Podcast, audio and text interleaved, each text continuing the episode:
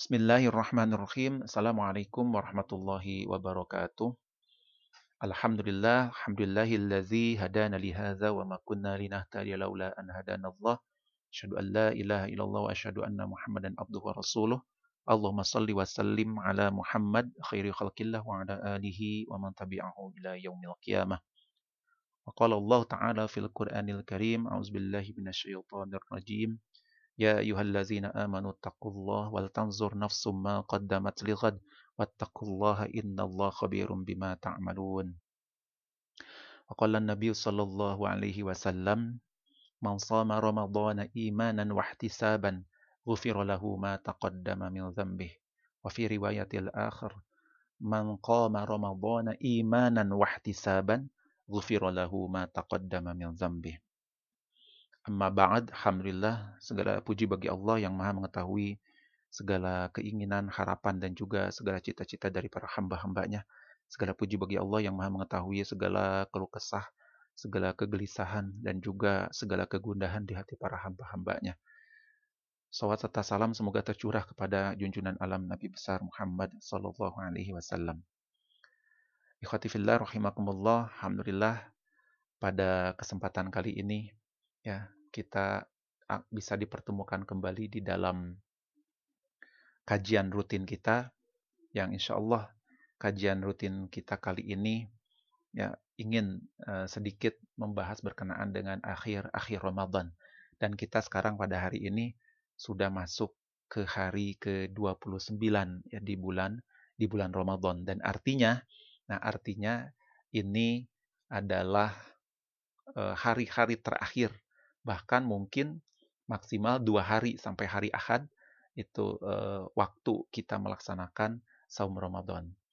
Nah, ketika kita berbicara tentang akhir Ramadan, maka sesungguhnya ini akan berakhir pula ya keutamaan-keutamaan akan berakhir pula pahala-pahala akan berakhir pula fadilah-fadilah yang sudah Allah sediakan bagi kita selama di bulan suci Ramadan ini pun akan berakhir Ya, jadi ketika berakhir Ramadan maka akan berakhir pula semua keutamaan, semua pahala ya, semua fadilah-fadilah yang akan kita dapatkan selama di bulan di bulan Ramadan. Oleh karena itu, di dalam salah satu hadis yang dibawa oleh Jabir radhiyallahu an bahwa uh, beliau mengatakan iza kana akhiru lailatin min Ramadan ya bakatis samawat wal ard wal malaikah. Jadi ketika sampai kepada akhir ya akhir malam di Ramadan, maka bakatis samawat wal ardu wal malaikah akan menangis ya. Langit bumi dan para malaikat ini akan menangis ya. Dan mereka mengatakan musibatan di ummati sayyidina Muhammadin ya. Aduh ini musibah ya. Bagi umat Muhammad ini musibah musibah. Qila maka ditanyakan ayu musibatin? Qala Rasulullah sallallahu alaihi wasallam maka berkata Rasulullah sallallahu hiya zahabu Ramadan li'anna da'wati fihi mustajabah was sadaqatan makbulah. Nah, musibah kenapa disebut musibah? Akhir Ramadan ini kenapa disebut musibah bagi umat Muhammad sallallahu alaihi wasallam? Karena dikatakan oleh Rasulullah SAW, karena ketika berakhir Ramadan, ketika berlalu Ramadan, maka kita pun akan berlalu pula, akan berakhir pula, ya, di mana di Ramadan itu kita akan mendapatkan doa-doa kita akan diijabah, sodako-sodako, amalan-amalan kita dan makbulah akan diterima. Ya, jadi begitu banyaknya keutamaan-keutamaan yang ada di bulan Ramadan sehingga ketika Ramadan berlalu maka akan berlalu pula keutamaan-keutamaan ini. Nah sehingga makanya di, sampai dikatakan bahwa ini musibatan ya ini sebagai sebuah musibah li umat Sayyidina Muhammad sallallahu alaihi wasallam. Nah, Ikhwatifillah ini memberikan isyarat kepada kita sesungguhnya bagaimana kita pun harus memiliki perasaan sedih sebetulnya dengan Ramadan berakhir dari dari pangkuan kita tentunya. Karena apa? Karena ternyata di Ramadan ini ketika kita sudah memahami dari awal pertemuan kajian kita bahwa bagaimana Ramadan ini sudah Allah sediakan, sudah Allah berikan spesial bagi umat Rasulullah SAW, ini adalah sesuatu yang bisa kita maksimalkan. Dan bisa jadi ya, karena Ramadan tahun depan belum ada kepastian, belum ada jaminan bagi kita kita akan dipertemukan kembali di Ramadan tahun tahun depan. Oleh karena itu, ini patut kita coba renungkan, ini patut kita coba uh, tangisi ya, minimal tangisi di hati dan pikiran kita bahwa kita akan apa akan di uh, apa akan dilalui, kita akan ditinggalkan oleh satu bulan yang memiliki keutamaan yang subhanallah luar biasa. Dan akhirnya artinya juga maka di bulan-bulan yang berikutnya keutamaan-keutamaan itu tidak akan kita dapatkan seperti apa yang kita dapatkan di bulan di bulan Ramadan. Nah, oleh karena itu prinsip-prinsip eh, apa ekspresi-ekspresi ruhiyah kita ini harus muncul di dalam diri kita ketika memang berada di akhir-akhir Ramadan. Dan kita berharap mudah-mudahan ya di 10 hari terakhir khususnya ya ini kita bisa memaksimalkan ibadah-ibadah kita khususnya di malam-malam ganjil di mana kita berharap di salah satu malam itu kita mendapatkan Lailatul Qadar yang memang sudah Allah janjikan di mana pahalanya itu adalah khairum min alfi syahrin. Ya bagaimana pahalanya itu itu lebih dari lebih dari seribu bulan. Ya, lebihnya ini menjadi satu misteri, artinya Allah bisa lipat gandakan, Allah bisa berikan itu yang mungkin lebih dari yang tidak bisa kita bayangkan. Ya, berapa ribunya. Dan artinya ini keutamaan yang luar biasa. Dan sampai hari ini Malam 29 sudah kita lewati tadi malam. Nah, maka sesungguhnya kita cuma punya waktu satu malam lagi, yaitu malam ke-30 kalau memang hasil sidang isbat ya eh, itu sudah menentukan bahwa Ramadan sampai hari Ahad misalnya. Nah, maka kita masih memiliki satu malam nanti malam untuk bisa memaksimalkan ibadah kita. Ya, ikhwati fillah rahimakumullah. Ini harus kita pahami dengan baik Ya, mudah-mudahan ini menjadikan uh, satu introspeksi kepada diri kita dalam kurang lebih satu bulan yang akan yang sudah kita jalani ini. Ya, kita harus bisa mengevaluasi ya berapa, berapa banyak ibadah-ibadah kita, berapa banyak mungkin waktu-waktu kita yang tidak manfaat, berapa banyak waktu-waktu kita yang tidak kita gunakan untuk ibadah, berapa banyak malah mungkin bisa jadi banyak tidurnya dibanding ibadahnya, banyak tidurnya dibanding uh, baca Qur'annya, banyak tidurnya dibanding qiyamul lailnya dan sebagainya. Nah, ini perlu kita coba evaluasi ya kepada diri kita jangan sampai hal itu terjadi pada diri kita. Dan yang kita harapkan adalah dengan berakhirnya Ramadan ini ya eh, ini kita dapatkan satu reward dari Allah yang Rasulullah SAW katakan man soma ramadhana di riwayat yang akhir Rasulullah SAW mengatakan man qoma ramadhana imanan wahtisaban ghufirallahu ma taqaddama min dzambi. Jadi bagaimana kita bisa meraih di akhir Ramadan itu reward yang paling kita nanti-nantikan yaitu ghufirallahu ma taqaddama min dzambi. Bagaimana kita berharap bahwa kita mendapatkan ampunan dari Allah Subhanahu wa taala terhadap dosa-dosa yang sudah kita yang sudah kita lakukan. Karena ketika kita tidak mendapatkan ampunan itu, maka sesungguhnya kita akan dimasukkan kategorinya seperti yang Rasulullah SAW katakan di dalam salah satu hadisnya bahwa yang dilalui oleh Ramadan dan ketika Ramadan berlalu sehingga dia akhirnya tidak mendapatkan falam yughfar lahu dia tidak mendapatkan ampunan apa pun dari Allah Subhanahu wa taala maka raghima anfu abdin maka dia kita termasuk golongan orang-orang yang merugi orang-orang yang celaka, orang-orang yang mungkin dimurka oleh Allah Subhanahu wa taala. Nauzubillah, summa nauzubillah. Nah, ikhwati fillah rahimakumullah, oleh karena itu di dalam surat Al-Hasyr ayat 18 tadi yang saya bacakan di awal kajian bahwa Allah meminta kepada kita untuk melakukan introspeksi diri kepada diri kita. Ya ayyuhallazina amanu taqullah wal tanzur nafsum ma qaddamat falighad wattaqullah. Ini cukup menarik karena di ayat ini ya Allah membuka sebelum aktivitas introspeksi itu dengan dua kata takwa.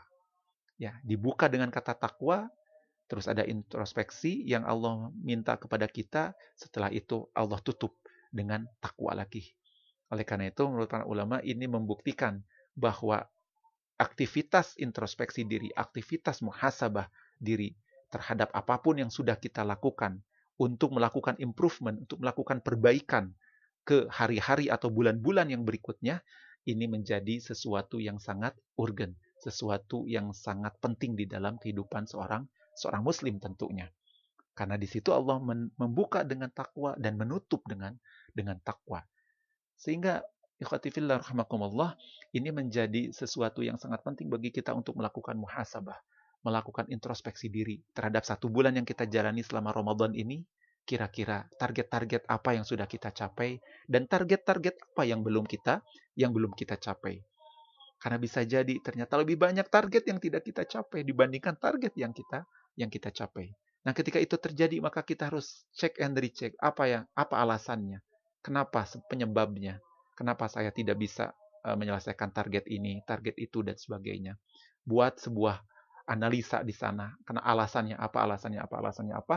Nah, maka di hari berikutnya, bulan berikutnya ini harus kita perbaiki supaya kita tidak termasuk uh, golongan orang-orang orang-orang yang merugi. Nah, ikhwati fillah rahmakumullah. Maka di akhir-akhir Ramadan ya, uh, kita pun disunahkan untuk melakukan takbir ya. Uh, jadi bagaimana takbir ini ini menjadi sebagai salah satu tanda ya bagi kita di dalam mencapai satu kondisi kembali kepada fitrah, kembali kepada kesucian kita, kembali kepada yang awalnya diharamkan makanan di siang hari, maka dikembalikan lagi hari tersebut oleh Allah, dikembalikan lagi kepada hari-hari di mana memakan sesuatu di siang hari itu bukan menjadi sesuatu yang yang terlarang. Nah, ketika itu akan takbirlah pada Allah, kita disunahkan untuk takbir dengan kondisi sekarang wabah ini, maka sesungguhnya kita dianjurkan untuk tetap meramaikan suasana malam ya dengan tetap berada di rumah tentunya dan kita mencoba meramaikan dan melaksanakan aktivitas ini bersama bersama keluarga kita. Nah, ikhwati fillah rahmakumullah dan ini pun akan berlaku untuk sholat Idul Fitrinya. Dengan kondisi-kondisi yang masih terjadi wabah seperti ini, maka ketika berada di dalam rumah ini lebih baik, lebih maslahat dibandingkan kita keluar rumah untuk bergabung, untuk melakukan sholat id di masjid atau di lapang atau di mana pun, ya maka sesungguhnya tinggal di rumah, melaksanakan sholat id di rumah itu jauh lebih baik dibandingkan melaksanakan sholat id di luar di luar rumah.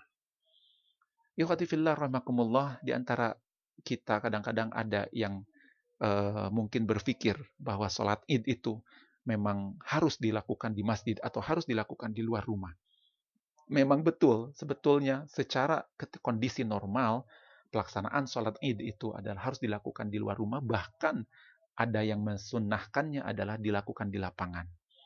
Nah, tetapi dengan kondisi wabah sekarang ini, ada satu kaidah usul yang harus kita fahami baik-baik bahwa ada satu kaidah yang mengatakan darul mafasid muqaddamun ala jalbil masalih. Bagaimana menghindari satu kemaborotan itu lebih diutamakan daripada melaksanakan sebuah sebuah kemaslahatan. Jadi artinya dengan mentaati peraturan pemerintah ini pun sesungguhnya kita bukan hanya taat pada pemerintah, tetapi kita taat juga pada kaidah-kaidah, konsep-konsep di dalam Islam termasuk kepada sunnah-sunnah dari Rasulullah SAW. Nah, ketika ini terjadi maka jangan khawatir, meskipun kita bersedih, kita betul-betul sangat menyayangkan dengan kondisi Ramadan dan kondisi Idul Fitri pada tahun ini berbeda jauh sekali, berbeda 180 derajat dibandingkan dengan Ramadan atau Idul Fitri tahun-tahun sebelumnya.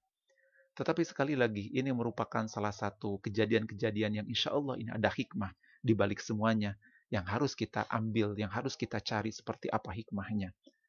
Oleh karena itu, ini eh, pernah di sampaikan di dalam salah satu hadis, Anas bin Malik pun ternyata pernah melakukan sholat id di rumah. Ya, fajama'a ahli ahlahu wabanihi. Jadi uh, bagaimana Anas bin Malik juga ketika melakukan sholat id di rumah, ya beliau mengumpulkan ya keluarganya dan anak-anaknya untuk bersama-sama melakukan sholat sholat id di rumah. Terus bagaimana sebetulnya pelaksanaan sholat id di rumah itu? Sebetulnya pada prinsipnya pelaksanaan sholat id di rumah itu tidak berbeda dengan apa yang kita lakukan di di masjid ataupun apa yang kita lakukan kalau berjamaah dengan yang lainnya di luar di luar rumah.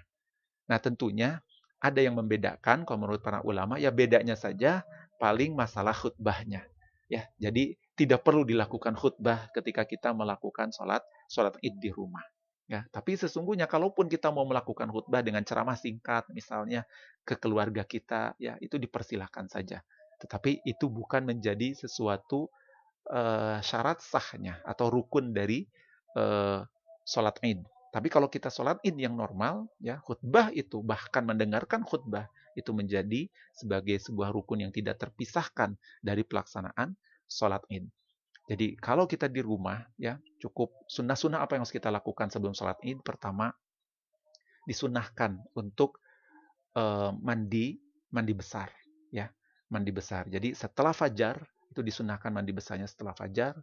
Setelah sholat subuh kita mandi mandi besar ya untuk diniatkan mandi besar untuk menyambut Idul Fitri ini.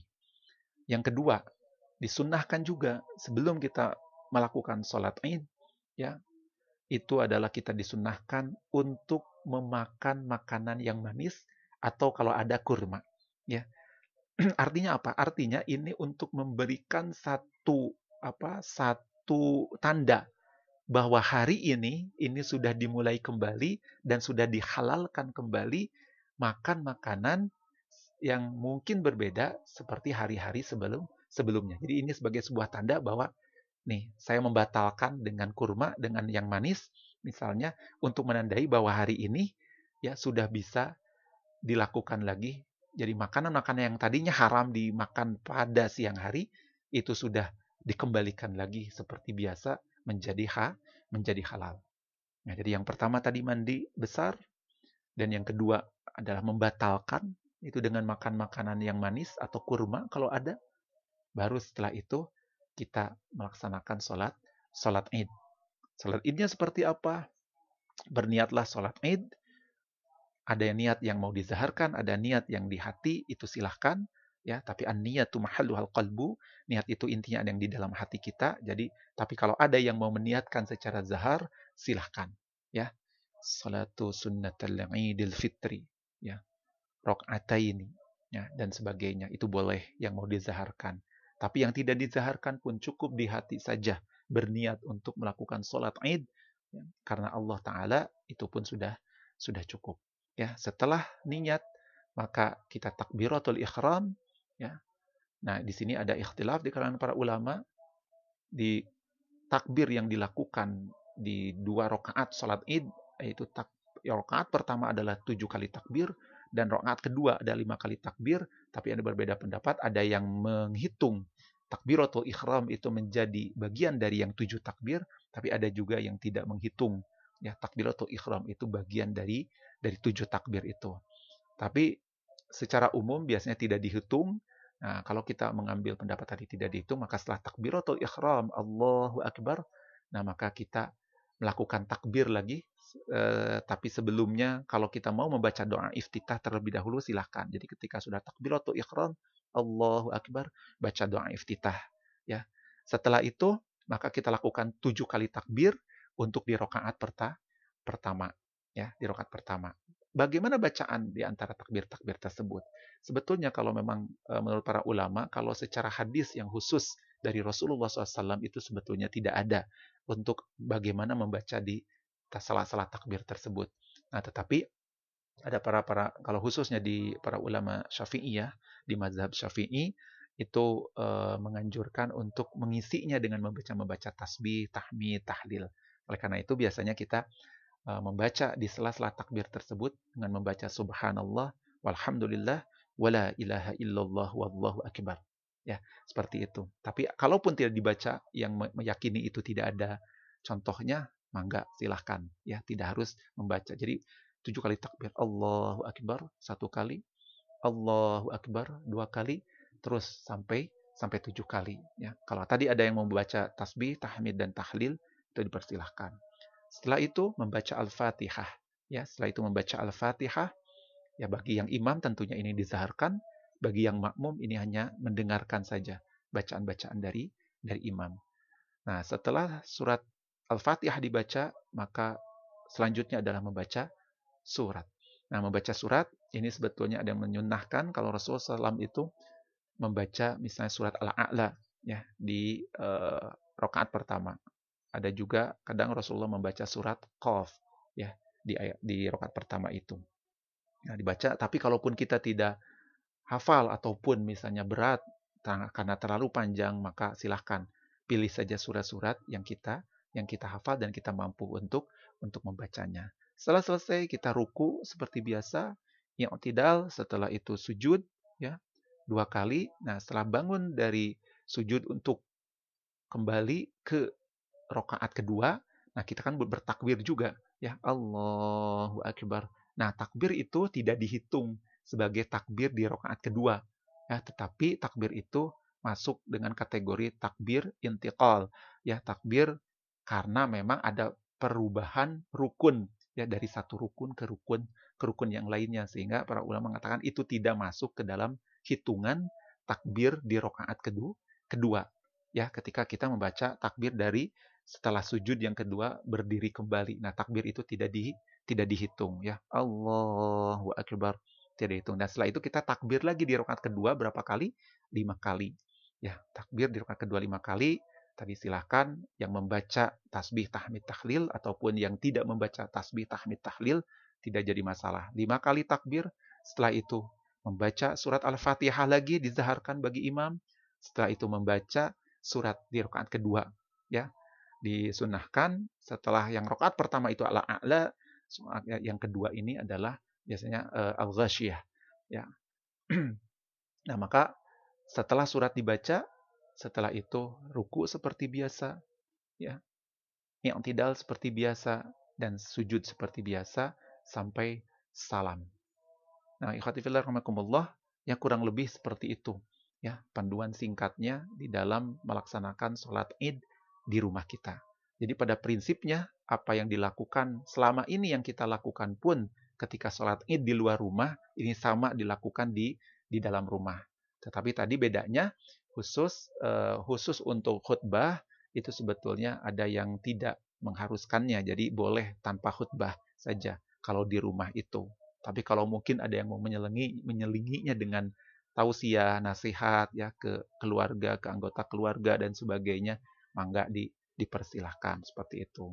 Nah, ikhwati fillah ya dengan memahami panduan singkat sholat id di rumah ini, mudah-mudahan ini uh, menjadikan kita tetap uh, lebih optimis, tetap tidak merasa bersedih yang berlebihan ketika memang kita tidak bisa melaksanakan sholat id di luar rumah seperti biasanya, karena dengan melihat kondisi-kondisi sekarang, perkembangan sekarang tentang wabah ini, ini memang masih cukup uh, membahayakan ya. Artinya kita harus betul-betul tadi seperti kaidah usul tadi bagaimana darul mafasid muqaddamun al jalbil masalih bagaimana kita memilih ya untuk menghindari adanya satu bahaya, menghindari adanya satu kemadorotan itu lebih diutamakan daripada melaksanakan sebuah sebuah kemaslahatan.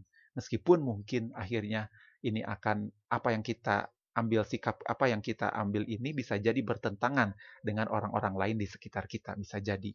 Tapi ini adalah pilihan namanya ijtihadiyah. Bagaimana kita pun memiliki satu pandangan yang mana yang akan kita ambil dengan kondisi seperti sekarang ini. Karena kita tidak tahu kita akan bertemu dengan siapa. Kita tidak akan tahu kita akan bertemu dengan orang yang habis dari mana dan sebagainya. Dan bisa jadi kita pun tidak pernah tahu kondisi imun tubuh kita itu seperti apa. Sehingga bisa jadi orang lain yang mungkin kondisi imunnya lagi baik, dia biasa-biasa saja ketika ketemu dengan orang ataupun ketika melakukan sholat id di luar rumah. Tapi bisa jadi ketika kita keluar rumah dan kondisi imun kita mungkin lagi tidak baik, bisa jadi justru kita yang terkena terkena uh, penularan dari wabah tersebut. Allah alam. Oleh karena itu, ya di dalam kaidah usul tadi lebih baik kita menghindari adanya satu kemadorotan itu lebih diutamakan daripada kita melaksanakan sebuah sebuah kemaslahatan. Nah, mudah-mudahan ini ada manfaatnya kajian yang singkat termasuk panduan singkat tentang sholat id di di rumah kita dan mudah-mudahan kita semua diberikan kemudahan dan diberikan kekuatan oleh Allah Subhanahu wa taala di dalam menjalani sholat Idul Fitri ini dengan khusyuk dan dengan lancar meskipun kita lakukan dengan keluarga kita di rumah masing-masing. Mudah-mudahan ada manfaatnya dan mohon maaf kalau ada kesalahan.